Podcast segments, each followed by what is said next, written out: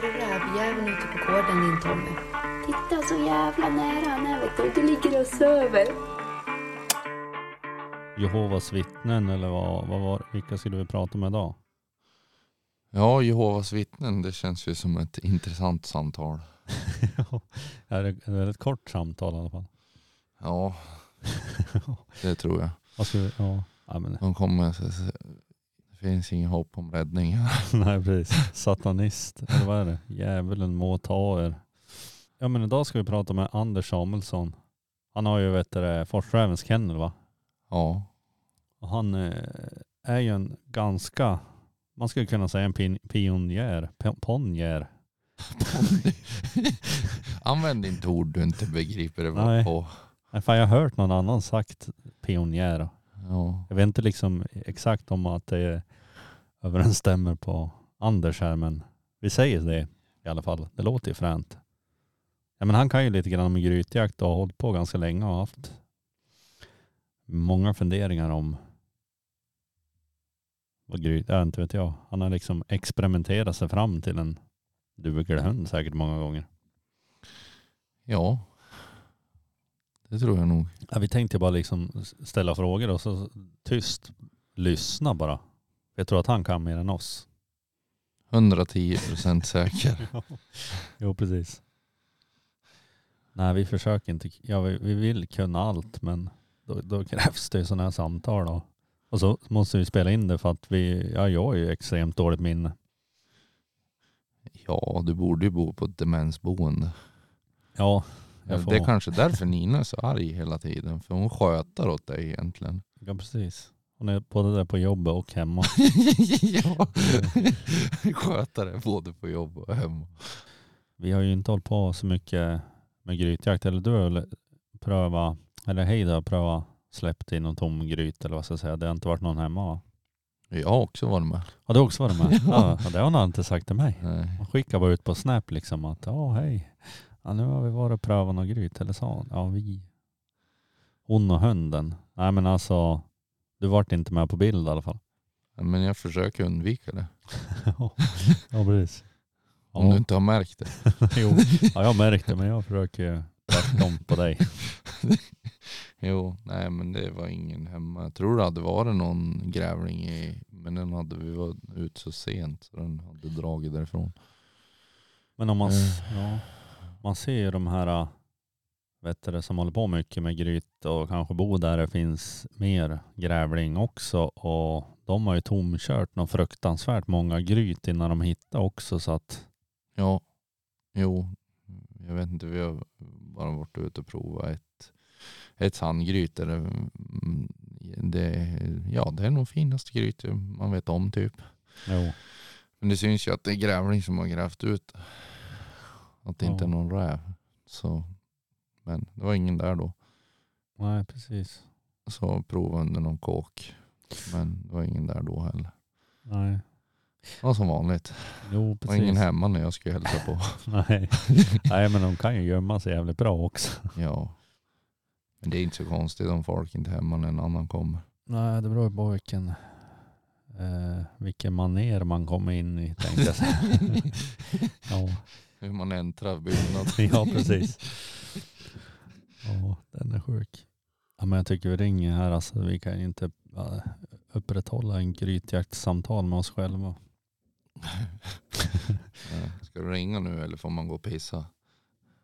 Ja, ja du kan gå och pissa alltså medan vi ringer. Samtalet är över. ja, precis.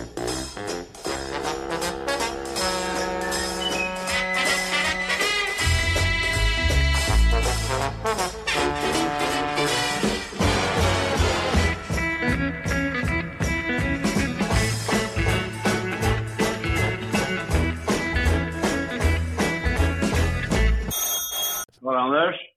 Ja, tjenare. Det var radiopodden här, Rovdjursjägarna med mig, Tommy och Petrus. Hallå. Tjena, tjena Tommy och Petrus. Halloj. Jajamän. Halloj. Vad håller vad håll du hus? Vad gör du? Är du ute på något gryt eller? Nej, jag har faktiskt stått och plockat i år. Jag ska iväg imorgon bitti faktiskt. Ja, Idag har det varit bärplock och barnpigeri mest. Kan du någonting om grytjakt? Nej, det ska väl inte vara något mycket det inte. Nej. Jag, jag har försökt att misslyckas. men- Ja, jag, jag har försökt med det. Jag inser väl det. Desto, mer, desto längre jag håller på, desto mindre vet man. Ja, lite Mm. så kanske det är. Men eh, jag tänkte säga din jaktliga karriär, hur började den? Ja, den var nog ganska utstakad från start. Eh, farsan jagade mycket. Morfar hade stövare och var drevprovsdomare. Farbror hade stövare. Så det var, det var, det var utstakat från start tror jag. Jag fick min första egna tax när jag var sex år. Ja, men Så. du hade ingen vapen då eller hade du det också? Eller sa vi ta det utanför podden? Du, jag tror vi håller det ut, all- allt med vapen att göra utanför ja, ja, ja, precis. Nej då, men ja, ja du har grytjakten i blodet då, eller när kom du mer in på specifikt grytjakt? Ja, alltså det, jag har ju hela mitt alltså uppväxt fått höra talas om min, min moster var gift med en man, man som hette Leif. Eh, som hade hållit på med gryttaxar. Eh, och det här var någonting som jag pumpades med. Han var inte med i bilden när jag växte upp sen. Men, men jag fick hela tiden höra talas om de här eh, stenhårda röda gryta, eh, korthåriga taxanarna som de kom ut med strimlade öron och, och drog ut grävar och grävlingar. Och någonting fastnade väl där. Att, att det vart som en, ja, det satte sig som en bild i, i huvudet på mig, även om jag har på med mycket annan jakt. Ehm, så jag köpte, jag gick skogsbruksskola och skog och jakt då. Uh, farsan hade några taxar hemma och jag hade några stövare och sådär då. Men eh, jag köpte min första tysk terrier precis efter, dagen efter jag tagit studenten. Typ. Eh, och då var det, det var, då, då var det grytjakt som gällde. Liksom. Och sedan dess så har det varit det som har varit nummer ett för mig alltid. Uh, har hållit på både med älghundar och stövare. Så håller på med stövare fortfarande, men det är grytjakten som är, ligger mig varmast om hjärtat. Mm. Det, det är nog visst med det. Ja, dagens avsnitt tänkte vi tillägna gryttaxen här och vad Mm. är det som gör gryttaxen till en så härlig eh, maskin i gryten tycker du? Eh, ja, jag har ju inte, alltså jag har ju provat flera taxar sådär genom åren och liksom inte riktigt tyckt att de har hållit, hållit kvalitet och hållit måttet riktigt. Men eh, sen fick jag chansen med den här eh, uh, grytaxen som jag har idag, Elsa, att, att få, jag, jag fick henne av Erik på släta skallet där med, med löfte om att vart det någonting så skulle han få ta en kull på henne. Och det var väl lite på både vinst och förlust sådär. Jag hade bra foxterrier-material eh, att tillgå. Men jag tycker om utmaningar, jag tycker det är roligt att prova och sen så fick jag verkligen bekänna liksom de här alla ord man har hört genom åren, både från ja, de äldre gubbarna med, med Hundir Eriksson som pratar om de här stenhårda taxarna och allting. Så då fick jag hem henne och hon var ett självspelande piano från start. Alltså.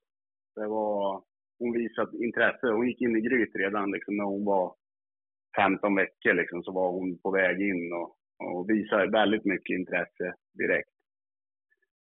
Um, och sen så var det, det som jag älskar med taxen, det är deras mentalitet. Alltså. Uh, största fördelen med mentaliteten tycker jag, att de har en uh, på sidan av jakten och runt omkring och, och, och så. Uh, Foxterrier, efter ett helt liv med psykotiska terriers av alla dess slag så, så var det ganska skönt för nerverna att få, få en, en lugn, skön hund hemma på bilen och överallt annars liksom i flocken. Så ja, det är, det är roligt att jaga med en taxigris kan jag säga. Man har ju någon liksom eh, föreställelse att eh, taxens kroppsliga egenskaper gentemot andra grythundar kan vara lite av en nackdel. Hur upplever du det? Är det liksom jag som tror fel då? Alltså jag, jag håller med dig. Alltså jag, när jag började jaga mycket med tax så tänkte jag liksom, jag hade ju någon fox terrier och sådär samtidigt. Så tänkte jag, jag undrar hur många gånger jag får gå och hämta, hämta taxen då när inte inte min lilla, eller alltså, hämta foxterriern när inte min lilla tax klarar det. Men jag jagar ju här i, i Bergslagen liksom med mycket sten och mycket svåra gryt. Om jag upplever det. Alltså, eh, när jag, jag jagar över hela landet gryt, men mycket krångliga klickgryt och sten och skit. Men jag, alltså, jag är positivt överraskad med hur mycket de klarar, klarar det. Eh, jag har inte behövt gått ifrån många rävar på grund av att de inte kommer åt faktiskt. Inte, inte fler än med Fox Terry. Men i det så är det ju väldigt viktigt just att du har en tax som ser ut som en grythund och inte som ser ut som någon annan avart på jakthund. Att du har en bra storlek, att du har ett bra stambart bröst på hunden, att du har alltså att du har en rastypisk tax och inte någon avart liksom. Eh, I alla fall för de här gryten. Ja, men när man mäter storleken på hunden, alltså grythunden, hur, vad är det liksom längden på benen eller vad är det som man mäter? Det är ju, alltså mycket sitter i pannan på dem. Eh, det största sitter ju där, men annars så är det ju att jag vill ju att en grythund ska ha en smal front. Så att den har en chans och möjlighet att, att för det är bröstkorgen som tar emot. Eh, där de är som bredast. Så det här klassiska gamla, att du ska kunna spanna dem, alltså att du ska nå runt med, med bägge händerna runt bröstkorgen. Så runt 40-45 någonstans, är väl ultimata, skulle jag tippa. Har den någon fördel eller nackdelar mot de andra grytraserna? fördelar så... Nu har jag alltså den taxen som jag har idag, hon är väldigt allround, följsam. Jag använder ju henne både och gräver för och kör ut rävar och allting sånt. Men eh, största nackdelen med tax kan väl jag tycka att de är ju avlade absolut mest för drevjakt. Eh, och eh, de kan bli lösskällda i grytet. Min Elsa upplever jag, innan hon är ordentligt igångjagad så kan hon gaff, alltså skälla på gammal, alltså typ en gammal bolega sådär lite grann. Och, eh, har det varit aktivt innan så kan hon inte låta bli att hålla käften. Eh, det här försvinner mer och mer under säsongen går och ju hårdare jag jagar med henne då. Men, men eh, och sen att de kan lägga onödigt mycket tid på tomma gryt tycker jag. Eh, kan springa runt i stora jordgrytor, alltså runt, runt, runt, runt egentligen. De, de, alltså jaktlusten gör att de letar mer än, än vad jag upplever att mina terriers har gjort. Men hur är de liksom, de, de taxarna du har liksom jobbat med i gryt, är de, är det någon som är mer sprängaraktig eller, eller är de eh, föreliggare också? Liksom, ser du någon tråd där? Jag ser väl egentligen att de flesta grythundarna överlag och taxen med, det är ju lite vad du gör dem till. Eh, för det första så är ju många, många grythundar är ju en produkt av hur husse eller matte vill jaga. Eh, om man tar liksom en grythund hos, hos Einar som är, gillar spa, spett och spade jättemycket, de utvecklas ju i regel ofta till, till förliggare, för det är det de ska bli. Eh, tar du liksom en grythund hos Jonas eller vem fan som helst annars, liksom, där de får utvecklas till att bli en sprängare och det är liksom där de ser belöningen, så, så den största delen av någon produkt, har du jaktlust och dådkraft i hunden så är det nog störst en produkt av, av hur den blir belönad, skulle jag vilja säga. Och det pratar jag generellt över, rakt över um, grytens raser. Om vi tittar på tax idag så är det ju så extremt liten del som får spränga mycket räv. Så det är fruktansvärt svårt att säga. Eh, skulle jag, alltså det är min uppfattning i alla fall. Det är alltså för få som jagar gryt med sina taxar. Ja. Och grytjakten är inte prioriterad varken hos... ehm, alltså, så det, vi, börjar ju bli lite folk nu. Det, det är skitkul att det dyker upp lite riktiga grytjägare runt omkring i landet som börjar på, våga prova och satsa på takt. Eh, utvecklingen i det ska bli grymt spännande att följa. För det är våran absolut mest klassiska grythund och de är jävligt kul alltså. Historiskt sett, hur har liksom taxen varit då liksom när den ja inte vet jag hur länge den har funnits, men var det en grythund då eller var det mer drevjaktshund senare eller hur, hur är det med det? Alltså, det, det, alltså taxen är ju, den är, det är ju dachshund, det är ju grävlinghund. Alltså de här korta benen har ju använts för grytjakt i, i det är ju där, där den avlar för från start. Eh, sen så har de väl varit drivande hund i Sverige också parallellt, men, men också alltså, lika stor del grythund skulle jag vilja säga som, som drivande hund fram till skabben. Eh, skabben tog ju fruktansvärt hårt på speciellt taxen och Fox där i grytsammanhang. Då det drog ut och taxen vart mer en rådjursdrivare än, än en grythund. Vilket, vilket den är fortfarande idag. Är det så i Tyskland också eller är det bara här då blivit så? Alltså tyskarna jagar väl lite på annorlunda sätt. Nu har inte jag så jättemycket info, men jag har ju alltså lagt ut lite krokar och allting sånt för att se vad det finns för material eh, lite överallt. Och de använder väl taxen lite mer. Alltså tyska hundar är väl i regel kortare. Alltså mer tysk, alltså åt det hållet. Ju längre ner på kontinenten vi kommer liksom. Men den används ju fortfarande som grythund. Eh, överallt. Tyskland, Frankrike, Danmark. Ja, överallt där den finns. Balt Baltikum. Du har ju en kennel här också som du bedriver grytjakt, ja, bland annat eh, avel på dem. Och hur är liksom suget på valpar? Alltså taxvalpar har jag kunnat sålt väldigt mycket av. Jag har Fox Terrier med. Jag har haft väldigt mycket, så det, det finns ett väldigt sug efter, efter grytonsvalpar upplever jag. Men alltså historiskt sett har ju ändrat sig väldigt mycket med, med hur det var. Nu är inte jag så där lastgammal i gamet, jag började i slutet på 90-talet. Men om man tittar då när det var en alltså, väldigt fungerande träningsgrytsverksamhet runt om i landet när vi fick köra 10-10 öppet och verkligen kunde prova våra hundar i träningsgryt så har det ju ändrat sig på, alltså markant. Eh, på den tiden så alltså då, då jagar man ju bara med hundarna. Alltså det var innan, innan vi hade GPS-pejlar och så här i, eh, så alltså räv var ju inte vanligt. Att man körde i och strövarjakten på räv var ju inte alls lika utbredd som den är idag. Så den har ju fått ett enormt uppsving. I och med GPS-pejlarnas in, för du, alltså, du hittar ju vart gryten är, du hittar vart hunden är, vart det tar stopp och så vidare. Stövan har drivit in den här räven hur, och har man för avsikt att spränga den. Hur gör man då då? Vad är det vanligaste felet kanske många gör? Jag vet inte. Det beror ju väldigt mycket på vad du har för hundmaterial och släpper in.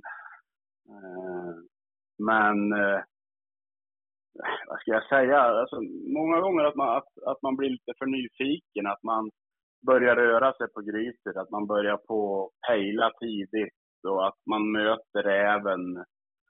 Eh, det finns ju liksom en anledning till att du har en timmes provtid på, på en sprängare liksom. Det är ju att, att man har nog för bråttom. Jag, jag är inte någon jag är inte någon skolboksexempel på det där. Jag har alltid bråttom. Men eh, många gånger så har man nog för bråttom på gryten. Eh, att man inte bara låter hunden göra jobbet. Och inte, inte lägger sig i så jävla mycket. Ja, hur ska hunden agera för att få den effektivaste sprängtekniken upplever du? Anfallssätt. Anfallssätt, anfallssätt, anfallssätt. Alltså det ska vara den absolut effektivaste sprängaren enligt mig, den ska ha ett grymt tempo in i grytet. Snabbt söka upp räven, gå så nära som den bara kan.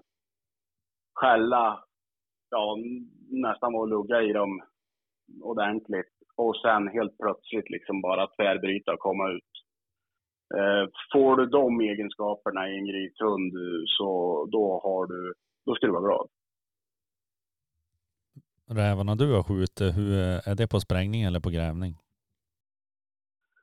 De flesta rävarna som är skjutna för mina hundar är sprängda.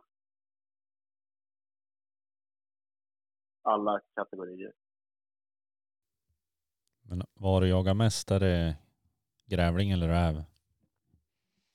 Jag har nog varit lite periodare sådär, beroende på vad jag har haft hund. Men jag skulle nog säga de senaste, vad ska vi säga, senaste tio åren så har det varit absolut mest räv. Före det så var det nog mer grävling. Är det lite grann på grund av att du kanske är mer intresserad av stövarjakten också eller? Absolut, och sen att jag har haft, haft fungerande stövarmaterial och haft vänner runt omkring som har haft fungerande stövarmaterial. Alltså, den här riktiga rävjakten, så det, jag hade en blandstövare som hette Dunder som var duktig på att köra ner rävar. Det vart ju liksom... Och sen när jag kom i lag med Erik Sjöberg där också. Han hade duktiga stövare som körde ner mycket räv. Så där någonstans så vart det väl en helt annan vändning. Att det vart så väldigt prioriterat på, på rävar och rävsprängning och de här teknikerna. Uh, I den vevan där så fick jag en, en Fox som har funkat väldigt, väldigt bra också. Då. Så, så det, har varit, det, det har varit en fröjd och roligt. För det mesta. Nej, för det mesta, ja. Hur ska man tänka om man passar ut på ett gryta? Har du någon, liksom, någon skolboksexempel där eller vad man ska tänka på? Mycket folk som vid större jakter ställer upp en ring en bra bit från gryt, eller alltså en bit från grytet där man bara skjuter utanför ringen. Eh, två personer, en, två personer, står centralt på grytet.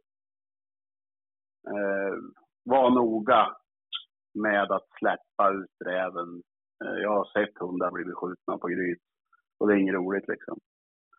Eh, tveka aldrig som hundförare på grytjakt att ta en, en föreläsning innan vi går upp på ett gryt tillsammans med, med eh, människor som är nya och så vidare.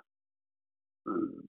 Det är inte, handlar inte om att man ska vara någon viktig Petter. Det handlar om att man har en hund som man håller väldigt kär. Som är, som är värdefull för en, som, som man inte vill ska bli skjuten. Liksom. Och i regel så har man ju stövare med, så skulle, det är inte hela världen om en räv hoppar iväg vid så här injagning av en, om vi säger en gryttax, hur snabbt mognar de? Man brukar ju också säga att tyskarna mognar lite tidigare kanske? Hur är då en gryttax? Det finns ju alltså jättemycket sådär fram och tillbaka. Jag kan bara prata alltså, från min egen erfarenhet. Och det är väl det att, att eh, det är ytterst individuellt. Ytterst individuellt. Det är precis liksom. Eh, alltså det viktigaste är väl att inte, alltså, jag låter mina hundar, mina valpar få vara med otroligt mycket. Jag vill se vad jag har i kopplet tidigt.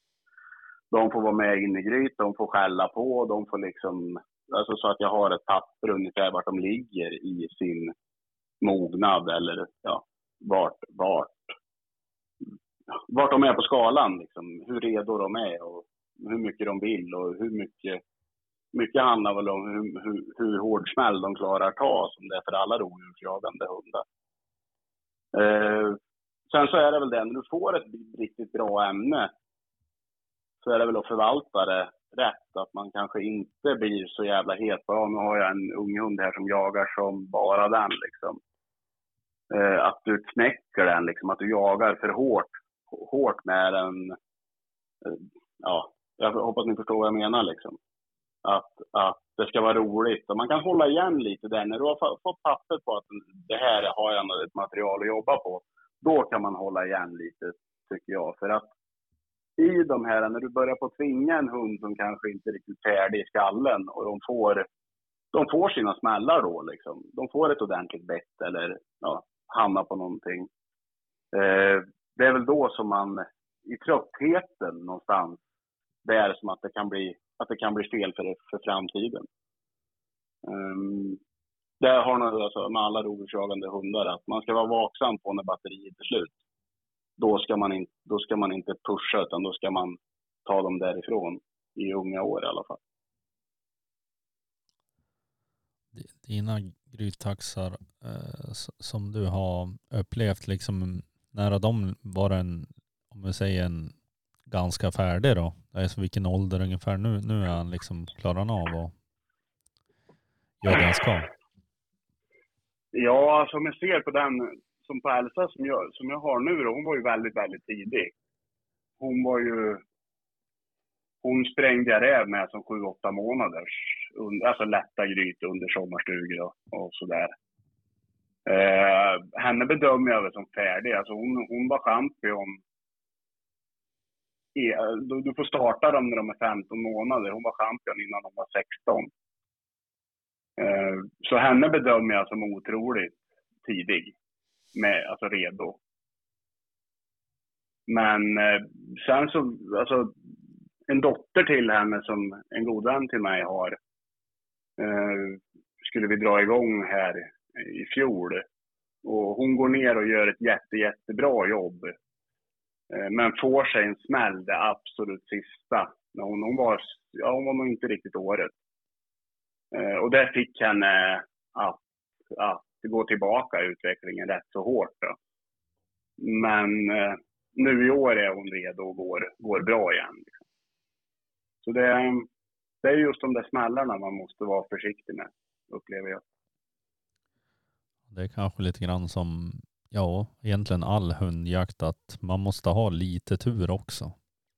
Ja, absolut. Absolut. Eh, jag är väl den som, alltså mina valpköpare och sådana som frågar mig om hur de ska jaga så säger jag ofta kanske, gör inte som jag gör, gör som jag säger. Eh, jag, jag har varit, haft för bråttom några gånger. Jag har knäckt bra material eh, tidigt som har kunnat blivit ruggigt bra. Men att de har fått sig Eh, alltså lite för mycket, lite för tidigt eller mycket för mycket för tidigt. Så det är precis det du säger. Alltså det är, du balanserar på ett rakblad många gånger. Eh, sen om man tjänar någonting på att ha så bråttom eller inte, det, det är av tvistade lärda. Men jag har väl någon filosofi där att, att du ska tända det tidigt i hundarna. De ska förstå tidigt, präglas tidigt på att det är det här vi håller på med. Um, upplever att hundar som inte får det här eh, många gånger tidigt, eh, att det blir en trög start att få igång dem. Eh, när de inte får vara med och bli präglade hårt, hårt för tidigt. Så jag präglar hårt och jag kör, kör nog kanske lite för tidigt många gånger. Om vi har en som kanske inte ens vill gå ner i grytor, hur brukar du göra då? Har du något tips? Ja, absolut. Alltså, det, det, det beror ju lite på. Jag kan ta faktiskt, vi var ute i, fan var det, var det i lördags? Så kom det en, eh, ja, en som ville ha med sin, sin foxterrier på runt året. Ett, ja, ett, runt året, ett och ett halvt. Som inte hade varit med så mycket. Eh, där eh, vi gick in, vi gjorde en låsning med Elsa. Vi gör ett nedslag, kanske ja, vad vi trodde i alla fall, ett par meter bakom då, så att vi skulle få, få köra den här äh, unga foxterriern eh, fram. Eh, vi gör nedslaget, jag kallar ut Elsa, Elsa kommer, vi lyfter upp och han är intresserad i hålet men han vågar inte riktigt gå in, och, alltså när det börjar på bli lite trångt och lite läskigt över, över ryggen då. Så, ja, tar upp han igen, samtidigt som vi släpper in Elsa så får han sitta med i hålet och se hur, hur hon försvinner in. Då. Uh, upprepar det här några gånger, gör ett nedslag lite, lite närmare. Vi, vi, det flyttar sig, så vi kanske hade, det kanske var ett par meter in i gången då som vi gör ytterligare ett nedslag. Då. Och jag gör samma sak där. Uh, och den här unga hunden som kanske många hade tyckt att nej men det där är inte, han vill inte än eller någonting sånt. Med rätt stöttning och rätt hjälp så går han in och gör ett sånt jävla kanonjobb på grävlingen när han får, alltså verkligen får en liten, ja, han får, han får lite mops emot sig helt enkelt som tänder han. Eh, så han tände riktigt ordentligt och gör ett kanonjobb då så att, så att eh, vi fick skjuta första på den. Då. Så det, det är både fingertoppskänsla och sen, ja, lita, lita på hunden och låta hunden få alla chanser. Liksom. Ja, det kan vara lite svårt att ha en fingertoppkänsla om man inte kan något kanske. Absolut, absolut. Det, det, men då kan man söka hjälp. Det finns jättemycket duktiga folk runt om i hela landet. Så man kan fråga om man får hänga med eller bjuda in eller sådär, eller bara ringa och prata. Liksom. Så är man osäker så ska man ställa frågor. Eh, jag sökte enormt mycket information när jag var ung och höll på med det här. Jag satt och ringde runt och pratade med folk och försökte hänga med och försöka få lyssna på sådana som hade betydligt mer kunskap än mig. Och det är jag jävligt tacksam för att jag har gjort idag. Men har du någon mentor inom den här grytjakten och som du har tagit råd av? Ja, alltså, det, det, det har jag. Alltså jag var väl ganska vrång. Jag gjorde nog mycket själv. Utan vi var, sen var vi ett gäng då som, som vi lärde oss av, av varann. Eh, men eh, Lars Hed pratade jag ganska mycket med på den tiden och fick vara med. Sen var det en smålänning som hette Joar Autio som man fick hänga med. Då. Eh, Kid Malmros var också med i det där. Eh, Arne, Lillsångs-Arne, Click Martins Kennel. Eh, på senare tid så är det väl, alltså, när man ändå har hållit på ett tag och varit mer intresserad utav, utav avel och så vidare, då är ju Len, Len, Lennart Härnesund har ju varit en kunskapsbank. Eh, även Tony Andersson på Pejlas där som också, det är sådana som jag har sett upp till som har gjort det, som har gjort det bra tycker jag. Ja, nu kanske det är Mm. folk som ser upp till dig. För jag pratade också med Einar idag lite angående en kommande podd och han hade dig som mentor bland annat. Ja, eh, Einar kom ju hem tidigt och visade vad han... Alltså hade, han var ju ungefär att se Einar, det var ungefär som att se en duktig Grytonsvalp eh, tidigt. Han bodde mycket hemma. Ja, där, där fanns det vilja. Jävlar, den pojken ville jaga. Eh, så han bodde mycket hemma hos oss. Och sen så fick han väl sin... Eh, ja, han fick ju sin Forsrävens Maja utav mig.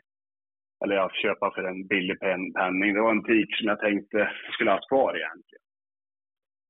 Men eh, då fick jag Einar ta den. Så och han har förvaltat allting bra den grabben. Han är, han är, idag är han ett jävligt bra bollplank faktiskt. En som jag lyssnar, lyssnar mycket på och som man kan bolla sådana här lite nördidéer och sitta och diskutera anfallssätt på millimeter precision liksom sådär. Och olika hundar och vad man vill ha och, och lite så. Så nej, han är en grym grabb. Han ska ha all heder. Och så om man har tröttnat på att gräva så man är helt slut, då ringer man kanske han för han verkar inte ha någon sådana tendenser. Nah, ja, nej då, för fan. Det, det finns, det är inte, det finns några, det har funnits några som jag har sett i hans klass genom åren, men eh, han är svårslagen där. Ja, riktigt jävla svårslagen ja. Han vill ju, alltså han är ju, alltså det, det är ju som, han var hem en dag här faktiskt. Han håller på att flytta uppåt mina krokar där. Så det, alltså, när man sitter och tänker på det här, just den här glädjen och den här passionen som är, som är i det här. Att man verkligen vill vinna och, och vi satt och pratade om det och det är liksom just det här med att fy fan, de som tycker att vi är så nördiga, att vi är så, går in så mycket med så stor passion i det här. Vad tråkigt de måste ha som inte får uppleva det, den här känslan när man lyckas. Nej, det är liksom Så- en, en del nöjer sig med, fan vad skönt att komma ut i älgskogen och sitta på pass och koka sitt Mm. kaffe. Mm. Och så är de nöjda över Ja. det liksom. Ja, men eh, vi är ju alltså, vi är väl kanske lite speciella att man nördar in oss på det här med grytjakt och grävning och, och det här grythundar överlag. Men eh, det är ett härligt gäng och idag så upplever jag väl att det är en ganska bra sammanhållning mo- gentemot många andra. Eh, att, att alla pratar med alla och, och vi har säkert inte samma åsikter alltid och vi tävlar en del mot varann. Men eh, vi respekterar varandra och vi lyssnar och, och kan ta råd från varandra. Och det tycker jag är rätt häftigt i jaktjägarna. Jo, men det är väl så det ska vara. Bara för att Ja. du har en, en åsikt så behöver inte det vara ett facit. Utan Nej, det, nej, nej. Det, det är liksom, alla får ha och tycka som de vill. Men man behöver Mm. inte stå där med massa pekpinnar. Nej, nej, nej, nej, nej.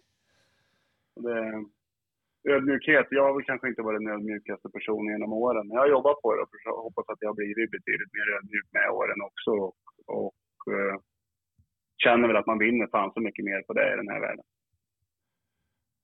Jo men så är det ju absolut. Men om, hur tänker du när man ska avla liksom? För jag har ju hört eh, lite olika på det. Men det känns, ska man avla på hundarna som är för mycket eller de här som är perfekt? Eller hur tänker du där? Alltid för mycket. Alltid för mycket. Alltså, vi kan inte göra om hjulet från vad de här gamla gubbarna som var gamla i gamet redan när jag började. Eh, jag har provat att göra om hjulet. Det funkar inte. Eh, du ska alltid avla på idioter. Eh, du ska, duktig jakthund ska avlas. Alltså en fungerande en hund som vi tycker om att jaga med, som är, den ska avlas med för mycket. Jag ser hellre att vi får ligga på det taket där, att vi får ta bort någon som kanske är lite för mycket än att vi har ett, alltså, ett lägre tak där, där vi har kanske tre av sex i en kull där det inte finns något tryck i. Liksom. Eh, jag vill ha, jag tycker att min personliga åsikt är att jag tycker att många tar i för dåligt i parningarna. Eh, tryck på. Hitta det, bra jakthundar ska paras med dunder och dynamit. Liksom. Det, det funkar. Och det känns ju lite som att vissa, eh, jag vet inte utan att raljera så, men alltså vissa raser, det saknas det jaktlust i gentemot andra. Om du Ja. förstår hur jag menar. Alltså det är som Ja, att, ja. att det är som vissa eh, kullar blir det liksom, även fast det är bra föräldradjur så blir det ingenting av parningarna för att det är just det här lagom. Ja, men det är ingen, det är ingen som har lyckats i, i hundavel med något lagom. Utan det ska, det ska tryckas på. Alltså det, det, jag, jag tror inte på det. Om jag tittar runt om alla som jag känner, både väldigt duktiga älghundsmänniskor, respektmänniskor, de som trycker på ordentligt åt alla håll, de, de får jämnhet och kvalitet. Det är, och särskilt med, med, med de här hundarna som vi har som grythundarna som måste besitta en sån enorm gameness och rådkraft och hjärta liksom. Så där, nej, vi har inte råd att hålla igen.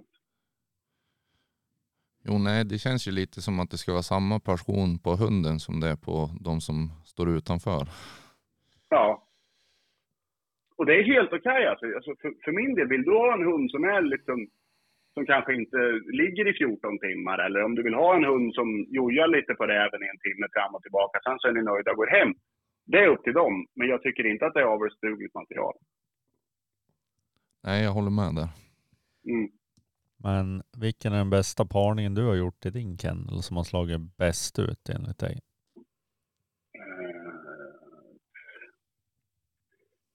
Eh, Rotvältans kola och sack. Eh, fem av sex var champion. Det saknades ett första pris hos Hund för att Donna skulle bli champion. Då hade sex varit champions. Två var dubbelchampions, både räv och grävling i den kullen. Vilket är svårast för en hund att jaga? Liksom vilken krävs mest dådkraft och skärpa för en ung hund? Är det räv eller är det grävling? Ja du, det här är ju... Om man tittar på de här riktigt bra grävlinghundarna som jag har sett genom åren. Ta Pejlas Tanja, ta Väpplingens Boss. Eh, jag hade en tysk här en gång som hette Sintos Pillan. De tog ju väldigt lite stryk på grävling. Men var det räv så var det ju någonting som flippade över på dem. Eh, I början av min karriär när jag jagade mycket med tysk terrier och så vidare så var det absolut mest skador utav grävling. Eh, I dagens läge så har jag ytterst sällan allvarliga skador på mina hundar överlag, men ännu mer sällan utav grävling. Så i och med att det är olika arbetssätt och så vidare på, på en riktigt bra grävlinghund och en riktigt bra rävhund så det, det är lite som att jämföra äpplen och päron i min värld. Så man har den här unghunden. Vill man att den först ska ta kontakt med en grävling eller först ta kontakt med en räv? Helt oväsentligt bedömer jag. Eh, skillnaden är vad du gör på grytet, om du börjar på att hacka och gräva direkt eller om... om eh, ta som min Greta som inte har blivit gräva, inte varit ordentlig grävling på senare år. Hon, hon var ju sån att hon tyckte grävlingarna var rätt tråkiga när de bara la sig. Eh, Men hade du som vid den här tiden på året löpgrävlingar som for runt i grytet, då tyckte hon de var skitkul. Eh, Så alltså, an, anfallssättet sitter ju i dem ända tills, det är någonting som sitter genetiskt i dem. De försöker ju, alltså är, har, du en, har du en som du verkligen ser att den här vill få loss viltet, så försöker den få loss räven lika väl som grävlingen. Det är ju senare un, under perioderna som, som, som jag bedömer att, att de utvecklar ett arbetssätt som är premierbart för det ena eller andra hållet. Du verkar kunna lite grann om grytproven hur funkar det och vad finns det för olika? Eh, I Sverige har du ju, eh, det är bara ett grytprov egentligen. Eh, men kort sagt att, att eh, räven, sprängarprov på räv så ska du för ett första pris helst rekommenderas att räven kommer ut inom en timme. Eh, för att få bra poäng så ska du väl helst inom en halvtimme, kort sagt. Då vill du verkligen se, om det är på räv så vill du gärna se att det är en brytning, att det går att få kontakt med hunden. Eh, ja, lite sånt. Förliggarprov på grävling är, ja, hunden ska gå ner, ta kontakt, söka upp grävlingen, låsa den, ligga i 60 minuter, sen ska du börja ett nedslag. Och du har gått några sådana prov, eller hur är det? Ja, det har hänt. har det. Jag har faktiskt över till Finland nu och provat deras naturgrytsprov. Eh, och det var ganska in, en intressant upplevelse också. Eh, men eh, nej, jag tycker att jag jobbar för, och många med mig, att vi ska försöka höja värdet på, på våra grytprov helt enkelt. Eh, att vi ska kunna utläsa ordentligt i, i provberättelser, allting sånt. Att det ska kunna bli, bli verkligen som när du sitter och letar stövare eller älghund. Att du ska kunna utläsa och få ut, alltså höja värdet på proven helt enkelt. Att du ska kunna läsa att ja men det här är en hund som jag tycker låter bra, som jag skulle kunna tänka mig att para med. Ja. Det har ju varit liksom, när jag började till exempel, så då gjorde du ju två stycken grytanlagsprov i träningsgryt. Och sen så gick du ut och sprängde räv. Sen var hunden champion. Eh, idag så är det ju tre, tre prov i naturen. Av två olika domare, precis som det är för stövare, drever, älghundar. Och eh, vi har ju kommit en bra bit på vägen där. Men jag tror att vi kan komma en bit till. Hur upplevde du det var att vara i Finland och gå de proven? finnarna är ju underbara på många sätt och vis, men eh, det är lite mer High Chaparral kan man väl säga. Eh, det låg ett gäng med finnar under en lada och sköt korseld. Nej då, men, men eh, det var lite mer rock'n'roll. Eh, vi hade inga lätta förhållanden. Vi körde mård, kör, jag körde Elsa på mårdhund i sex timmar ena dagen och sen så gjorde hon ett förliggarprov på grävling och det låg sex grävlingar under en lada andra dagen. Så hon fick ju bekänna färg, verkligen. Men eh, hon jobbade sig ihop till ett första pris där så, så eh, hon var finsk också. Men eh, finnarna, de tycker ju om prov. Och de, har, de tycker om att testa sina hundar. Så jag kommer att åka dit fler gånger. De kommer över hit och gå prov för oss nu i slutet på september, så det ska bli riktigt kul. Kunna ha ett utbyte. Jajamän. Ja, jag har ju också gått prov där i Finland. Mm, vad tyckte du? Ja, det var ju minst sagt spännande. För det första fattar jag inte dugg av, av finska språket, men sen så, ja, de, de har ju en annan syn på etik, om man säger så. ja, Det är liksom, ja, antingen så skäller hunden fast djuret eller så biter den fast sig. ja, och håller kvar det. För det var väl, då fick vi inte flytta sig mer än en meter för då börjar de räkna om tiden till nedslag. Ja, det är 90 minuter liggtid också. Jo, jo, eller så ha fast det i en halvtimme på samma. Ja, nej, så det är, de är lite speciella på det. Eller ja, det är, de, de ser väl också oss som speciell säkert. För det är, där är det ju liksom, du gräver upp det avlivade sen provet är slut. Ja. De har, alltså alla får ha sitt och allting sånt, men, men eh, som sagt var, jag, alltså, om, om vi tittar på det, om vi skulle få mårdhunden mycket hemma, så den, det är precis som du säger, den ultimata mårdhundshunden går in och håller fast tills man kommer ner. Eh, den hunden upplever kanske inte jag skulle vara det absolut lämpligaste för, för grävling i södra Sverige. Men eh, eh, det, den dagen den sorgen, då får vi ta det då. Ja, vilken är den bästa hunden du har jagat med då? Får jag välja bara en? Nej, då får vi välja 20 år. Det vara bra på olika saker. Ja, precis. Nej, men välj. Säg, säg de du tänker på. Ja, eh, vad ska jag säga? Min, min första fox där, Pelle Tanja där, som, som, hon var en väldigt duktig grävlinghund. Eh, bra förliggare. Eh, Backbringers Boss också en grym bra förliggare. Rävsprängare så måste jag nog faktiskt säga att Greta när hon var med, när hon hade tänderna kvar. När hon var någonstans mellan två och sex år där. Då var det, då var hon, och hon var en effektiv rävsprängare, det måste jag säga. Einars Maja var inte dålig heller. Det finns mycket, mycket bra hundar, men, men eh, om jag ska välja två då. Förliggare, Pejla Tanja, sprängare, Greta. Hur hade sprängaren för arbetssätt då? Greta, Ja, ja precis. hon hade ju det här underbara hon gick in med... Hon jobbade aldrig upp sig, utan hon hade max från start när hon gick in och tog kontakt med räven. Um, hon är ju en hund som har stått, hon har stått hos Einar, hon har stått hos Stefan Lindström. Hon har ju alltså jobbat och krigat lite överallt. Och liksom det var inte ovanligt för henne att hon fick göra 10-15 grytjobb, alltså rävsprängningar per vecka liksom. Två, tre varje dag. Eh, Hon har fått bekänt färg enormt mycket den hunden och när jag gjorde jaktprov med henne så sprängde hon räv fyra gånger. Eh, nej, hon har, hon har ett, ett hem... Och sen alltså hade hon... Hon har, hon lever än. Hon står faktiskt i min hundgård här utanför eh, och jagar den. Eh, men jag kunde liksom styra henne lite. Säg att, att hon låg på en räv som låg lite dumt eller tokigt till. Och jag kunde på något vis få lite kontakt med henne. Säg Sten Rabber, eller att jag kunde göra ett litet nedslag och allting sånt. Om jag kom nära och gav henne understöd där så kunde jag liksom få henne att gå den här sista decimetern och göra det här sista som behövdes. Um, sen så var hon urkallningsbar. Kom och spontanbröt, kom och sökte upp. Uh, ja, nej, hon har, hon har varit en riktigt rolig hund att jaga med.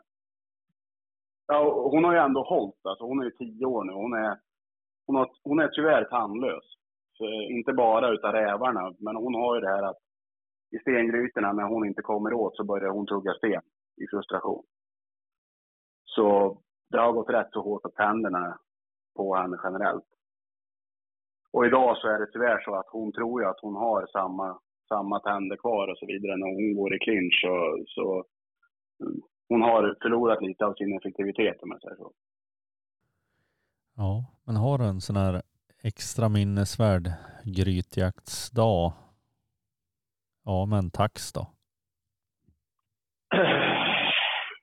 Ja, det har jag nog faktiskt. Eh, första, första sprängningarna med en, med en åtta månaders valp är väl någonting som värmer i hjärtat. Men eh, vi hade en jakt i fjol faktiskt med, med just Elsa. Där hon gör fem, sep- det var skitväder, det spöregnade, det blåste. Det var liksom sånt vidrigt väder så du kan aldrig tänka det. Men jag var tillsammans med några duktiga grabbar från, från Borgvik där nere runt, runt utanför Karlstad, därför trakten där. Och vi krigar på hela dagen och hon gör fem separata jobb på grävling under hela dagen i, i ja, fem, fem olika gryt på fem olika grävlingar. Och gör det enligt skolboken varenda gång. Eh, ja, nej, jag fick ta lite hjälp i slutet när hon började på att ta slut utav, utav Greta där. Men annars så, så gjorde hon ett, ett sånt jävla jobb. Höll i hela dagen och inte sänkte sig någonting. Då, då tycker jag om min lilla hund. Ja, det kan man förstå. Hur länge, hur länge måste hon vila då sen efter det? Hon jagar dagen efter. Ja, det, det låter som en riktig hund.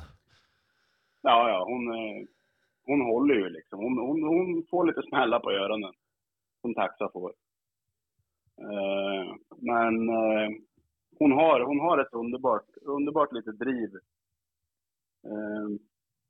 Ja, jag blir glad utav henne. Det är sällan, sällan som jag går, går hem från skogen och är... Ni vet ju själva när man är förbannad på en hund för att de inte presterar liksom. Jo, Det kan man göra med den bästa, men det är väldigt sällan jag gör det med henne. Utan eh, när jag kommer hem och släpper in henne i hundgården eller att hon får komma in och lägga sig inomhus så, så tycker jag om att titta på henne och är väldigt glad att se henne. Hon får mat då, om vi säger så. Ja, hon får mat. Hon äter slaktaren. ja, precis. Nej, men hur, många, hur många grythundar har du idag då? Tre stycken har jag idag. Eh, jag står lite i generationsskifte. Eh, jag har Greta, Elsa. Sen har jag en avkomma efter Elsa som heter eh, Forsrävens Irma. Som är efter Elsa och Uppsala Urax. En grytchampionparning. Riktigt championat. Som visar väldigt gott gryt. Hon är åtta månader nu, så vi har väl påbörjat lite grann. Tyvärr så visar hon väl lite mycket intresse för det ovan jorden, men det är kanske lite mitt fel också. Men det ska bli en spännande höst och vinter med, med Irma. ja. blir det någon mer terrier då eller blir det tax nu för hela slanten? Jag kanske inte ska lägga ut det här på en podd, men, men jag hoppas väl inte att min sambo lyssnar på det här. Men eh, jag har alltid kört med den. Det är bättre att be om förlåtelse än tillåtelse den här jävla hundar. Så, så. Men det gjordes faktiskt en väldigt, väldigt intressant grytensparning på Fox Terrier här, häromdagen. Vi får väl se. Får vi göra. Nej, men jag, jag, jag kommer köra med tax nu ett tag. Eh, så länge jag kan få, få lika mycket ut ur en tax som jag har fått utav jag har ju haft både tysk jaktterrier, foxterrier, border terrier. Eh, så länge jag kan få ut lika mycket ur det materialet så är det förbannat skoj att hålla på med någonting som, som vi är kanske fyra, fem stycken i landet som håller på med liksom på allvar. Eh, och se om man, man, man, man kan få fram och kan, kanske göra någonting där. Det, det, det är kul. Det är utmaningar. Man är väl dum i huvudet egentligen. När man hade kommit dit än att man hade bra foxterrier-material liksom. så ska man ge sig på något nytt. Men, men vi är väl sadister någonstans. Exakt. Jag tänkte så här, du verkar kunna lite grann om olika raser. Vad, alltså Patterdale, vad är det för någonting? Man har ju sett någonting på Instagram. Du frågar helt fel person. Okej. Gör det. Ja, jag, alltså det enda som jag ser, jag har lite kontakt med lite engelsmän och sådär. Det verkar väl vara det verkar väl vara många med, med ordentligt klipp i, men jag har aldrig sett någon. Och för mig så är det, mig personligen så är det, nej.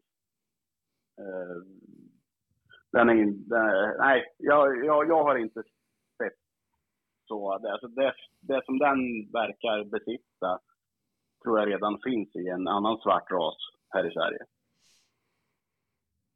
Labrador eller? nej, nej, en tysk, ty, tysk jaktterrier. Ja. Eh, så det är väl lite så jag känner. Men säkert, säkert en jätte... Jag, jag har kontakt med en finne som har som en grymt duktig jägare. Han kör lite med Patterdale och han tycker att mentaliteten är jävligt bra på dem. Så det får jag väl lita på. Det är ju raser och allting sånt. Det, det, det är ganska oväsentligt, tycker jag. Det man ska köra på det man tror på och sen, sen försöka hålla ihop aveln bara. Det, och sen gå, gå, gå all in. Det är, väl, det är väl bara att köra på. Här. Ja, precis. Har du provat någon Jack Russell då? Ehm, ja, nej, nej, inte personligen. Eh, har jag inte. Nej, jaga med någon som är bra. Eh, jag såg en grymt jävla bra Jack Russell. Jag tror det var i träningsgryt i Hällefors 99 eller något sånt där. Ehm, den, var, den var en hund som jag ville ha. Sen så ska jag väl säga det att, att eh, jag lyssnade på, ja det kan folk som, det just få se den här handgranatslätet som man vill ha när, när räven, när, när hunden träffar räven. Jag tittade på den här Martin Brenne, han hade någon jaktfilm med grytsprängning. Som den, som den tiken, Jack Russell-tiken lät där, det, det tyckte jag om. Jajamän. Eh, sen så såg jag något eh, i Finland nu när vi var över. Eh, en hane som, som Sven körde över från hans uppfödning. Som var, den var bra. Och några av de finska hundarna var, det, det var bra hundar. Ja, det finns bra versioner i alla färgkombinationer kan vi säga. Det gör det. Det gör det. Det största problemet blir väl, det är väl det som är på tax också. Det är väl det som är på Jack Russell. På Fox-sidan har ju också varit det. Det är att det är så många olika viljor som drar. Det finns så många olika saker som hundarna ska göra. Att det lätt blir spretigt.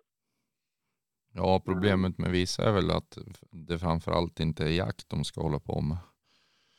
Absolut. Och sen när det är jakt så är det en annan jaktform än, än vad, vad jag brinner för. Liksom. Att, eh, nej, det, det, det blir spretigt i aveln. Det dras åt så många håll. Det är så många olika viljor i klubbar. Och folk säger, säljer som säger att de ska sälja duktiga grythundar så är det även hundar till aktiv hundsport. Liksom. Det blir, för mig, det funkar inte för mig. Det är väl en av de stora fördelarna tyskarna har. Att de hamnar inte på sådana ställen så ofta. Tysken ska ha all jävla heder, alltså all jävla tacksamhet för att de har varit så sura och vrånga och psykopatiska under många år. Att, att de endast har fått stått hos jägarna. Eh, jag älskar tysk jaktterrier. Den passar, alltså jag skulle kunna tänka mig att prova en svart igen. Alltså, jag hade en, hade en tik på tidigt 2000-tal som var grym. Uh, men uh, just nu så passar det inte mig. Men uh, jag skulle kunna tänka mig en, en svart igen. Med, med erfarenheten eller med ålderns lugn. Alltså sätta en, en 80-talsavlad tysk i händerna på en 19-åring som inte vill någonting annat än att bara jaga som en idiot. Och kanske inte förstår riktigt vad man hade i snöret på den tiden. Den kombon kanske inte var den ultimata. Nej, det kan ju kanske lätt slå över då. Ja, det gjorde ju lätt det. Ja. Finns det någon nybörjarhund eller? Som passar alla tänkte jag säga. Nej. Ja och nej. Ja, från det- nybörjarhund, alltså, det, det handlar ju om, alltså, jag tycker ju om att sälja valpar till unga brinnande jägare, för där får de ju ofta chansen ordentligt. Liksom.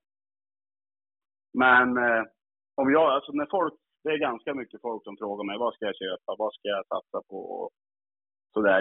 Idag så säger jag det att där du har störst procentuell chans att få en fungerande grythund så är det en foxterrier från kända linjer. Eh, du hittar guldkorn i varenda ras, gör du. Men där har du den stora massan idag. Alltså, vad ska vi säga, det är väl som älghundarnas jämthund, eller vad ska man säga? Där har du stör, eller johund, att du, där har du störst chans att få en fungerande jakthund. Ja. Men det jag tänkte på den här resan som du påbörjat sent 90-tal eller vad du sa. Eh, Mm, vad har du lärt? Liksom, vart, vad är dina största misstag egentligen? Ja. Har för bråttom, tror att man har kunnat för mycket. Eh, Men sen så är det, alltså det, det, det är kanske bättre att man har lärt sig av misstagen istället. För jag, alltså jag är en sån person att jag måste, jag förstår ju de här som vill uppfinna hjulet idag en gång till, för det vill jag också göra nu, i unga år. Eh, kanske att jag skulle ha lyssnat lite mer, att jag inte var tvungen att gå på samma nitar själv. Att jag skulle ha lyssnat på vad de här gamla legenderna sa liksom. Ja, de har ju troligtvis gjort samma misstag själv. Ja, Så jo. jag skulle, ha, ja. jag, jag, skulle ha tillförlitat mig mer på två öron istället för en mun. Jo, man har ju fått två öron och en mun av Mm. en anledning. Mm. Håll i käften och lyssna. Ja, håll käften pojk och lyssna. Precis. Gör inte, gör inte samma misstag som jag har gjort. Nej, Exakt. nej, precis. Ja, men vill du säga någonting mer om gryttaxens? Jag säger till alla som, alltså, som är där ute att, att prova en gryttax. Men var väldigt, väldigt, väldigt, väldigt noga med linjer och särskilt, alltså det finns många som säger att de brinner för gryttax och så vidare. Många som gör det kanske också, men, men som säljer till, till sådana som där de aldrig kommer få gå i gryt och inte kan få en ordentlig utvärdering.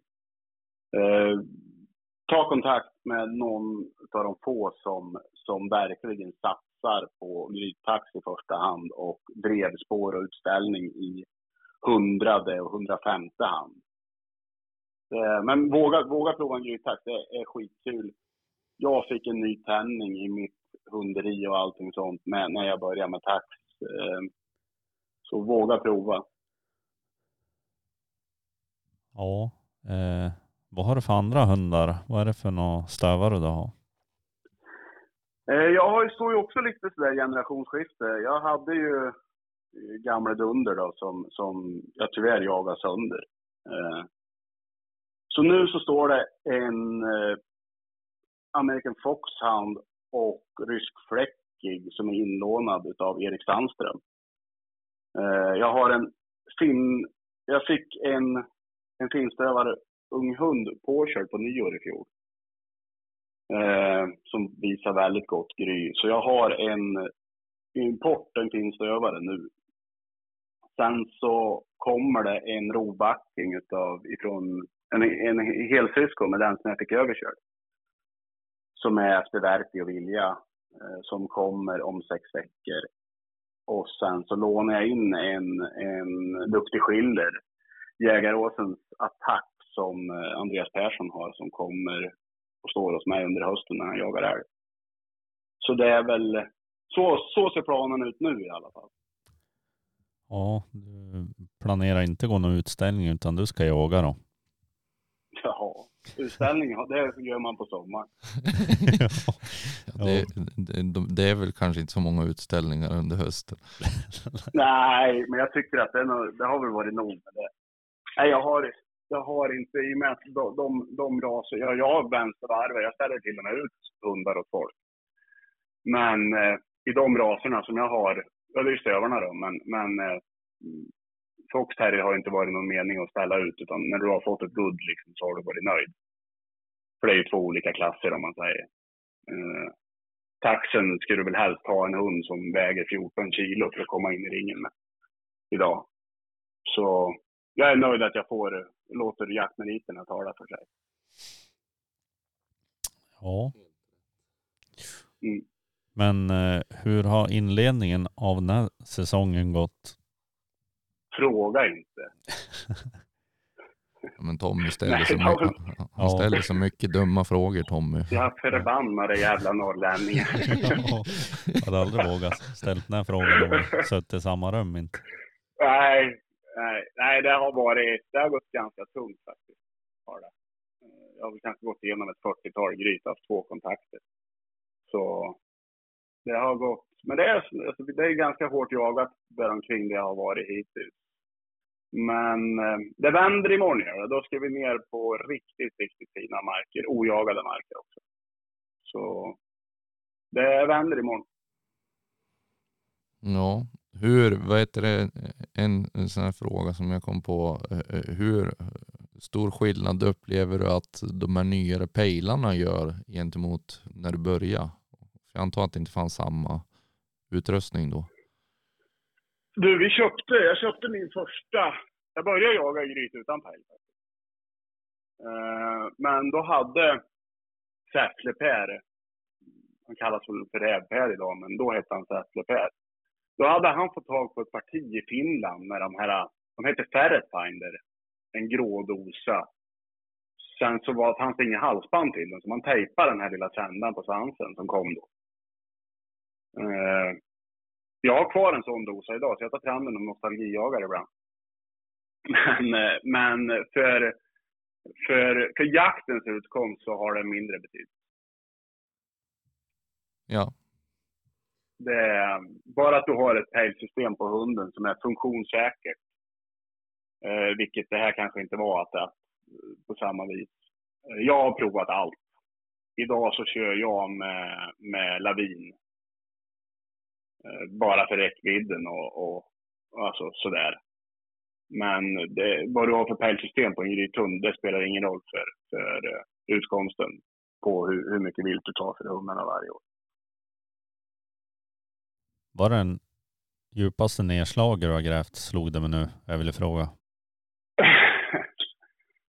Jag tror att vi har gjort någon sån där idiotgrävning på, i någon jävla slänt på, det var väl fyra meter uppifrån, uppifrån om man säger. Men att man kunde då forsla ut eh, material bakåt. Vi gjorde väl någon jävla idiotgrävning i fjol, jag och Einar Hultstrand där i Säffle som gjorde att vi höll på en hel dag. Men det var det enda vi fick kontakt med. Det var väl också sådär ja, närmare tre meter, två och en halv, tre meter liksom. Men, eh, men eh, det är väl alltså runt fyra meter där någonstans tror jag. Att, att när man var ung och riktigt dum i huvudet. Nej men om du ser på den här lavinpejlen att det står tre meter, då ropar du ut hunden och prövar nästa gryt då eller? Det beror ju på om jag är Einar med mig eller inte, men eh, nej. Du gömmer lavinpejlen. Fan, nej, men Ja, har du, har du Einar Hultstrand med dig så då, då, då kanske man kan göra ett, eh, göra ett försök. ja. Men det beror ju helt på hur det ser ut. Är det lätt sand och en slänt sådär, då kan ju tre meter vara betydligt enklare än en meter. Eh, man får ju se på grytets beskaffenhet och hur man kan attackera och liksom om det är det, om det är det man har fått kontakt i på hela dagen, då får man ju, man får ju göra ett försök. Så länge hunden skäller så jobbar jag. Det är liksom den regeln jag har. Ja, det är en jävligt bra regel. En sån här annan fråga som jag kom på nu så här bara helt. Eh, hur upplever du det med att, jag vet inte om du har flerskottspistol, revolver eller enkelskott. Eh, jag finner det ju jävligt störande att de håller på att tjorva med bara enkelskottare. Ja, det är rent idiotiskt. Det är det. Det är, det är bara dumt att du inte ska kunna följa upp med, med en direkt. Men det där är någonting som, som vi inte kommer komma någon vart med som det ser ut i, i landet idag. Så det är ingenting vi behöver ta. Eh, men det är ju rent djurplågeri. Många gånger en enkelskottare, en grävling får en smäll i näsan. Eh, och du inte kan följa upp snabbt och avsluta. Jo, nej, för det är liksom halvtjurigt att börja ladda om när man Mm. hänger på huvudet en och en halv meter ner. Ja, ja. Det, Det, det, är bara, det är bara dumt. Är det. Nu, nu kommer jag på en sån här nybörjarfråga. När du pejlar, eller du hör vart hunden är, liksom, hur tänker man på nedslaget? Vart ska nedslaget vara till förhållande till hunden och grävlingen? Det är ju, det är alltid, alltså, du vill ju alltid komma bakom hunden. Så att du kan stänga gången och liksom få ett avslutningsområde där du minimerar all risk för att grävlingen ska komma eh, förbi hunden. Liksom. Att du kan stänga av den delen som du ska operera i. Eh, sen så beror det ju på, ibland så gör du nedslag, då slår du liksom spett i huvudet på hunden eller i, på grävlingen liksom. Och då är det ju bara att agera därefter. Men eh, i regel så är det ju bäst att komma lite bakom. Alltså om du tänker dig en taxrygg, att du kommer på taxansen. Så kan du operera sakta framåt. Eh, det, är väl, det är väl det ultimata egentligen.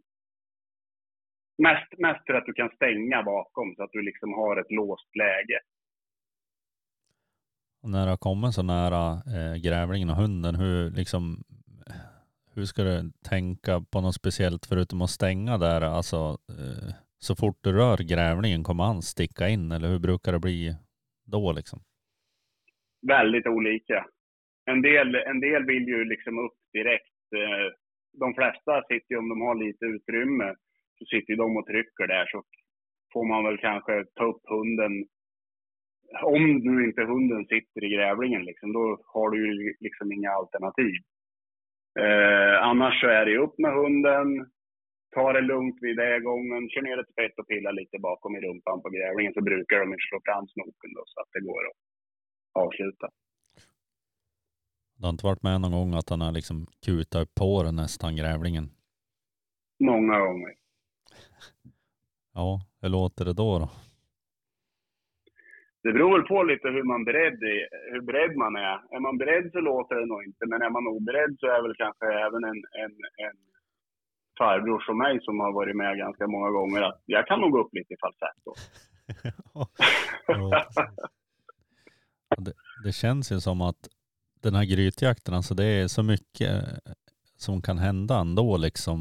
Även fast det är så liksom på en sån liten yta så det finns så många utfall som kan hända. Ja, det, men det är ju helt underbart. Det är det som är häftigt. Det är det som är kul. Och sen att man kan vara ett gäng med, gäng med goda vänner. Eller ett par, tre stycken. Och sen så kan man bara vara och hålla på och se, alltså, se hundarnas jobb i det här. Och, nej, det, det är vackert. Om du är ute efter, ja är grävling, du ska hitta det liksom. Hur, hur ser du på grytet att ja, här är det mycket grävling? Finns det några kännetecken där? Eh, Ja, det gör det ju. Det är ju. Vid den här tiden på året så är det ju svårt överlag. I och med att de inte håller sig alls på samma vis som de gör om, om två månader när de håller sig vid borgen på ett annat vis. Men det är ju att det är slitet, att det är toaletter. Du har inget spindelnät i hålen. Det är ordentligt nedtrampat. Det är gångar liksom. Eh, och sen så ser du i stort sett på en rutinerad hund 100 meter från grytet om det är någonting hemma eller inte. Vi börjar närma oss slutet här på vår pratstund här och vi har några snabba frågor här som kräver kanske ett snabbare svar eller vad ska jag säga. Eh, så att eh, räv eller grävling? Räv, Stövare eller grythund? grythund, Eh, föreliggare eller sprängare? förliggare, Fox eller tax? pass, Drilling eller bock? där du träffar mig. Hur mycket tar du bänkpress? Eh, jag är tyvärr väldigt, väldigt skadad, men jag drar 300 i mark. Jajamän. Ja, Var manligast hittills. bäst svar. Ja. Precis. Man kör inte bänk. Nej, nej. Rätt svar. Nej, nej. Ja, precis Ja. som Petrus smak. Härligt Peter. Ja men fan det har varit en rolig pratstund här. Man har ju säkert glömt många intressanta frågor och sådär men något fick vi med eller? Ja, det hoppas jag. Ni är förbannat trevliga grabbar. Ni ska veta att ni gör en grymt bra podd. Jag gillar er skarpt. Så grymt jobbat. All heder till er. Ja, tack. Tack Roligt så att höra. mycket. Men kanske hörs något mer. Vi kanske har någon intressant fråga här framöver. Ja, Det är, bara vet? Det, är bara ni, det är bara ni hör av er. Jo. Kanon. Ja, tack så Kör mycket. hårt grabbar. Tack Detsamma, mycket. tack. Hej, hej. Skitjakt. hej, Hej. hej.